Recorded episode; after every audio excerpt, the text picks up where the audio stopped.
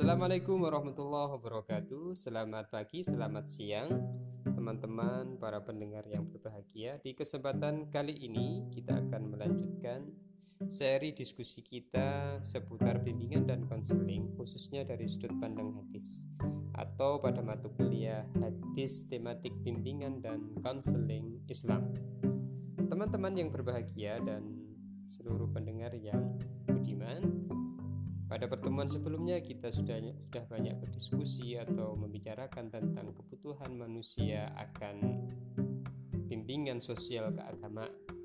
Di manusia secara fitrah atau secara naluri dia membutuhkan orang lain. Manusia adalah makhluk sosial dan ia membutuhkan bimbingan orang lain untuk uh, menyelesaikan masalah yang dihadapi. Atau tidak harus selalu karena ada masalah yang dihadapi, tetapi karena manusia pada umumnya tidak mengenali atau sukar untuk mengenali dirinya dan bagaimana meningkatkan atau memunculkan memaksimalkan potensi yang dimilikinya. Khususnya adalah potensi kejiwaan potensi jiwa potensi rohani potensi spiritual dan potensi keagamaan. Oleh sebab itu butuh yang namanya orang lain butuh guru butuh mursyid butuh konselor atau butuh juga eh, orang-orang yang bisa memberi opsi-opsi ke mana seorang itu harus melangkah dan harus berbuat untuk perkembangan dirinya dan untuk menyelesaikan problem yang dihadapinya. Teman-teman yang berbahagia, para pendengar yang budiman, di kesempatan kali ini tema selanjutnya adalah berkaitan dengan fungsi bimbingan dan konseling dalam tinjauan hadis. Sebagaimana kita ketahui atau banyak kita baca dari beberapa literatur, secara umum bimbingan dan konseling dibedakan menjadi dua ciri khas. Yang pertama bahwa bimbingan ini bersifat preventif atau pencegahan karena ia mendampingi, membimbing atau mengarahkan orang-orang atau konseli atau klien eh, pada peningkatan potensi yang dimilikinya walaupun ia tidak memiliki gangguan atau tidak memiliki problem kejiwaan yang dihadapi. Kemudian, konseling umumnya bisa dimaknai dengan makna kuratif atau pengobatan, rehabilitasi atau penyembuhan.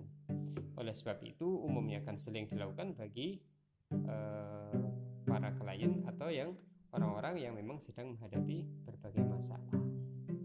Saya kira bimbingan dan konseling menjadi satu kesatuan yang lengkap karena sesungguhnya dari sudut pandang kebutuhan manusia atas bimbingan eh, orang lain, bimbingan sosial keagamaan orang lain di antaranya adalah untuk memenuhi dua aspek itu. Yang pertama adalah aspek untuk memunculkan potensi di dalam dirinya, potensi apa pun itu sosial, spiritual dan sebagainya. Dan yang kedua adalah eh, untuk penyelesaian untuk atau untuk menghilangkan atau membersihkan dari problem-problem yang dihadapi oleh orang tersebut. Dengan kata dua, dengan dua kata kunci ini kemudian akan kita tarik kepada satu pembahasan yang lebih spesifik berkaitan dengan fungsi bimbingan dan konseling. Berbicara tentang fungsi dan bimbingan konseling, khususnya adalah bimbingan dan konseling dari sudut pandang Islam, tentu bisa dilepaskan dari sudut pandang spiritualitas.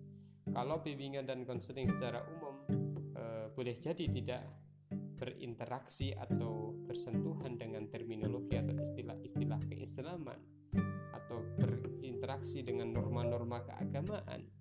Namun ketika bimbingan dan konseling itu dikaitkan dengan keagamaan, dikaitkan dengan Islam, maka secara otomatis berkaitan pula dengan norma-norma keagamaan.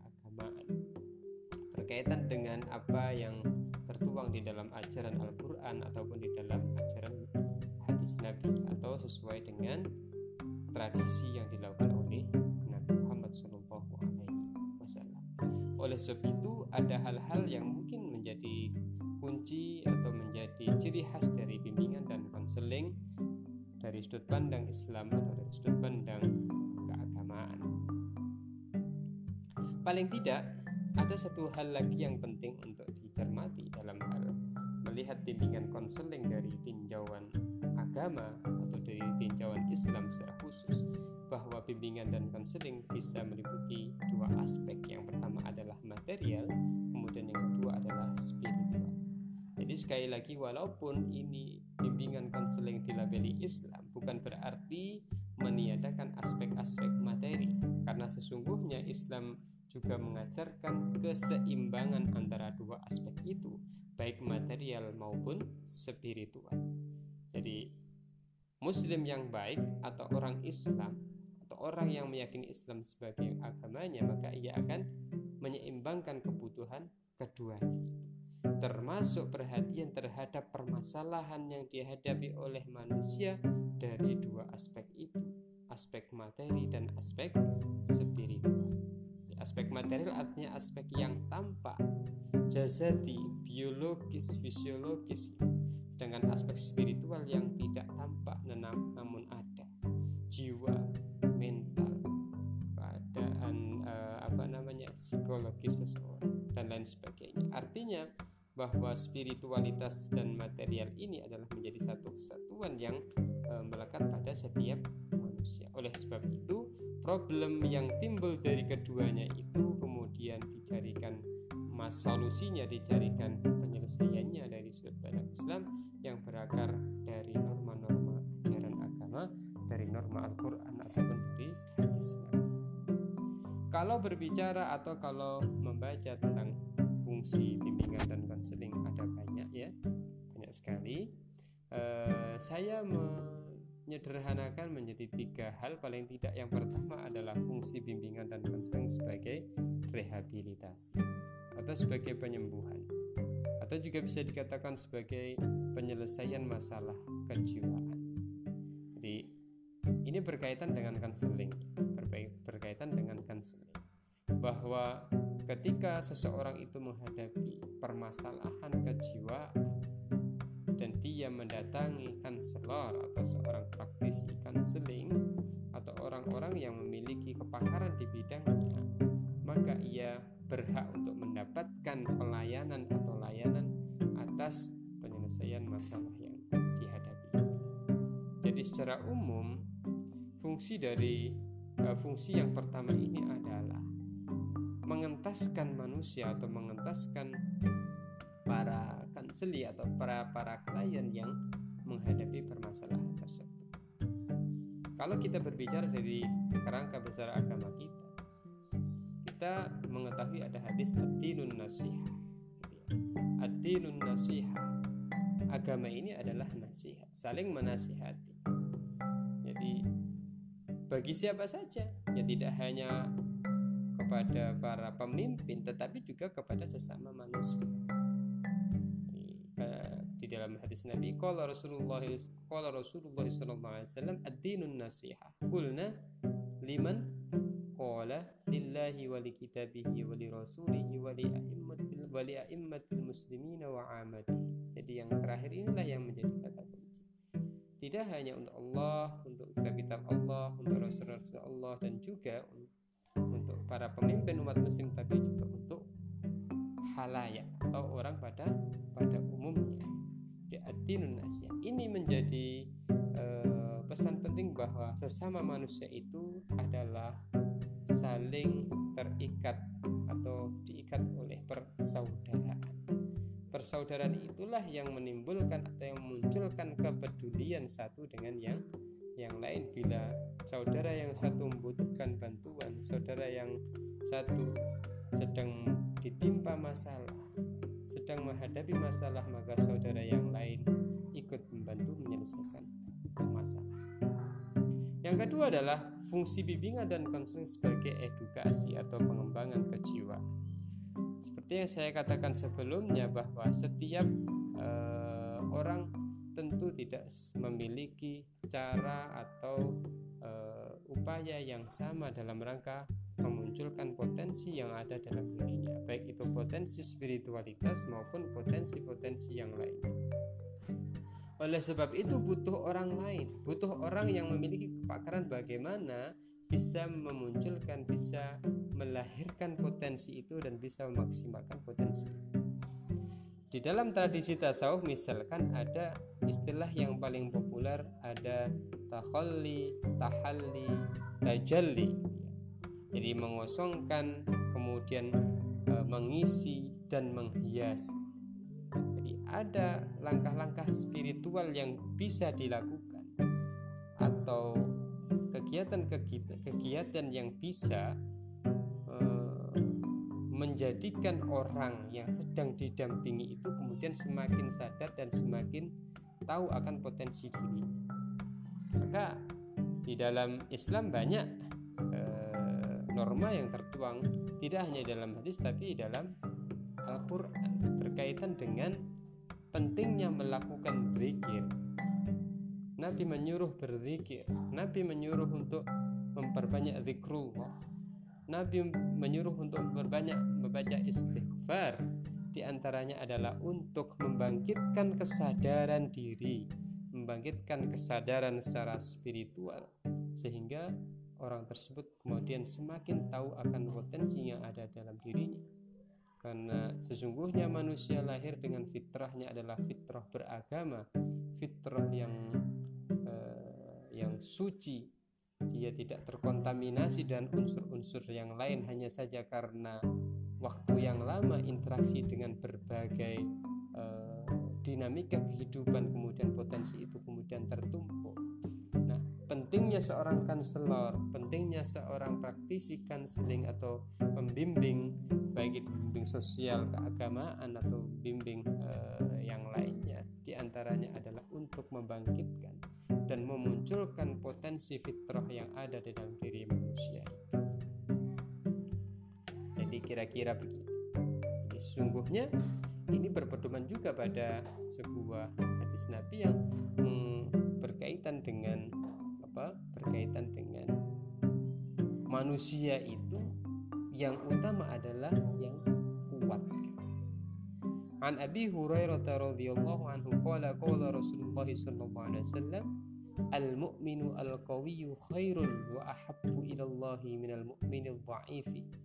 Wa fi kulli khairin ihris ala ma yanfa'uka wasta'in billah wa la ta'jas. Wa in asabaka syai'un fala takul law anni fa'altu kana kadza wa kadza. Walakin kul qaddaru qaddarullahi wa ma sya'a fa'ala fa inna law taftahu 'amalu syaitan fa inna lau jadi sebagaimana yang diriwayatkan oleh Abu Hurairah Rasulullah SAW bersabda bahwa mukmin yang kuat adalah atau mukmin yang paling dicintai oleh Allah adalah mukmin yang dicintai oleh Allah adalah mukmin yang definisi kuat ya berarti kuat tidak hanya jasadi tapi kuat dalam arti ruhani apa gunanya kalau kuat hanya dalam aspek jasadi tapi secara rohani dan spiritual tidak kuat penting kiranya bahwa setiap kita itu memunculkan potensi dalam diri kita itu karena sesungguhnya manusia diciptakan sebaik-baik cipta. Wa fi kulli khairin ihris ala ma yanfa'uka. Di dalam setiap kebaikan jagalah atas apa yang itu bisa bermanfaat bagi. Kita harus bisa memaksimalkan apa saja yang uh, muncul apa saja yang bisa kita lakukan sebaik mungkin dan itu bisa bermanfaat bagi kita. Artinya bermanfaat bukan artinya adalah individualis tidak tetapi bisa mendatangkan kemaslahatan dan kebaikan. Wasta'in billah wala ta'jas jadi bermintalah tolong atau uh, mintalah bantuan kepada Allah dan jangan mengeluh jika kita ditimpa wala ta'jas wa in eh, ketika kita ditimpa musibah. Dan jangan mengatakan bahwa seandainya saya mengatakan ini eh, saya andainya saya melakukan ini maka saya akan saya tidak akan tertimpa musibah ini. Seandainya saya begini pasti saya tidak begitu. Janganlah katakan walakin kul qadarullah ma syaa katakanlah bahwa itu sudah dikehendaki Allah jika Allah berkehendak maka semuanya terjadi hadis ini panjang tapi kalau kita cermati bahwa ini menegaskan kepada kita semuanya bahwa setiap manusia itu memiliki potensi yang baik, potensi yang positif-positif. Hanya saja manusia itulah yang kemudian mengukur potensi-potensi. Butuh yang namanya orang-orang yang peduli akan hal-hal yang. Kalau secara individu kita tidak mampu untuk mengeksplorasi, maka butuh yang namanya konselor atau pembimbing untuk menunjukkan hal itu. Maka mungkin hari ini yang menjadi catatan kita bersama ketika pembelajaran itu banyakkan adalah pembelajaran uh, mandiri atau self learning kemudian kehilangan seorang sosok guru yang benar-benar uh, apa namanya mencurahkan dirinya untuk membimbing murid-muridnya di antaranya itu adalah satu uh, sisi negatif yang memang harus menjadi refleksi kita bersama. Saya mengupayakan walaupun melalui media seadanya, melalui media online, saya berusaha untuk mengajak kepada teman-teman atau membangkitkan spirit teman-teman, membangkitkan kesadaran teman-teman untuk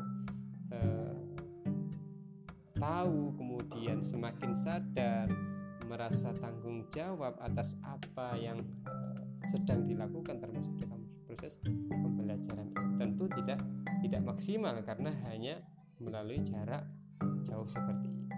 Tapi pesan yang penting eh, dalam hal dalam hal ini bahwa keberadaan orang lain, keberadaan sosok guru, keberadaan sosok mursyid, keberadaan konselor itu penting dalam rangka untuk memunculkan potensi dalam diri seseorang. Sehingga kejiwaan seseorang akan tetap terjaga.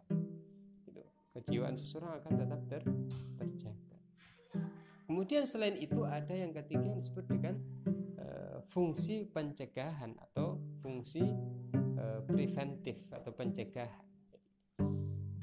Al-wiqayatu khairun minal ilaj. Mencegah itu lebih utama daripada mengobati. Ini ada kaitannya dengan fungsi yang kedua yakni pembimbingan dan pendidikan. Ada banyak sumber-sumber norma yang menguatkan akan pentingnya menjaga itu. Misalkan man ra'a minkum munkaran falyughayyirhu bi yadihi fa illam yastati' fa bi lisanihi fa illam yastati' fa bi qalbihi wa dzalika adhaful iman Dawi Kanjeng Nabi bahwa barang siapa melihat kemungkaran maka ubahlah itu dengan tanganmu. Jika tidak bisa maka dengan lisanmu. Dan jika tidak bisa dengan hatimu. Karena sesungguhnya itu adalah selemah-lemah iman. Hadis ini mengisyaratkan bahwa kepedulian terhadap orang lain dalam rangka preventif atas kejadian atau perbuatan-perbuatan yang melanggar norma agama ataupun eh, perbuatan-perbuatan yang akan mencederai kesehatan mental seseorang. Itu adalah agama begitu ya. ya harus dicegah misalkan juga misalkan ada Bagaimana ketika proses mendidik anak i'lamu bi taatillah wattaqu ma'asillah wa muru auladakum bi imtithalil awamir wajtinabin nawahi fadzalika wiqayatan lahum wa lakum minan nar. Jadi ajarilah anak-anakmu untuk taat kepada Allah dan takut akan berbuat maksud kepada Allah. Dan perintahlah anak-anakmu untuk mengikuti seluruh perintah Allah dan menjauhi seluruh larangan-larangan Allah fadzalika wiqayatan lahum walakum minan nar sesungguhnya itu adalah bentuk pencegahan kamu dan anak-anakmu dari neraka.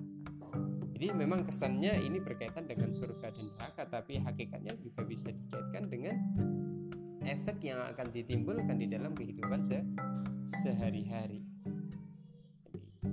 Manusia itu e, tabiatnya adalah ketika terbiasa untuk melakukan sesuatu maka dia akan melakukannya ber, berulang-ulang. Dan kemudian manusia merasa bahwa itu suatu hal yang wajar dan lumrah. Baginya itu mungkin e, karena sudah dilakukan berulang-ulang dianggapnya biasa-biasa saja. Biasa-biasa saja dan bukan sebuah kesalahan maka butuh yang namanya orang lain. Butuh orang yang mengingatkan. Butuh orang yang peduli akan hal-hal tersebut. Jadi membimbing atau memberi uh, apa fasilitas konseling di antaranya adalah untuk dalam rangka mencegah, menunjukkan mana yang semestinya dan mana yang uh, tidak, mendampingi hal-hal yang uh, apa yang, yang yang bisa dilakukan, yang yang seyuknya ya dilakukan oleh orang lain karena itu adalah potensi positif dan juga menunjukkan untuk dijauh menjauhkan hal-hal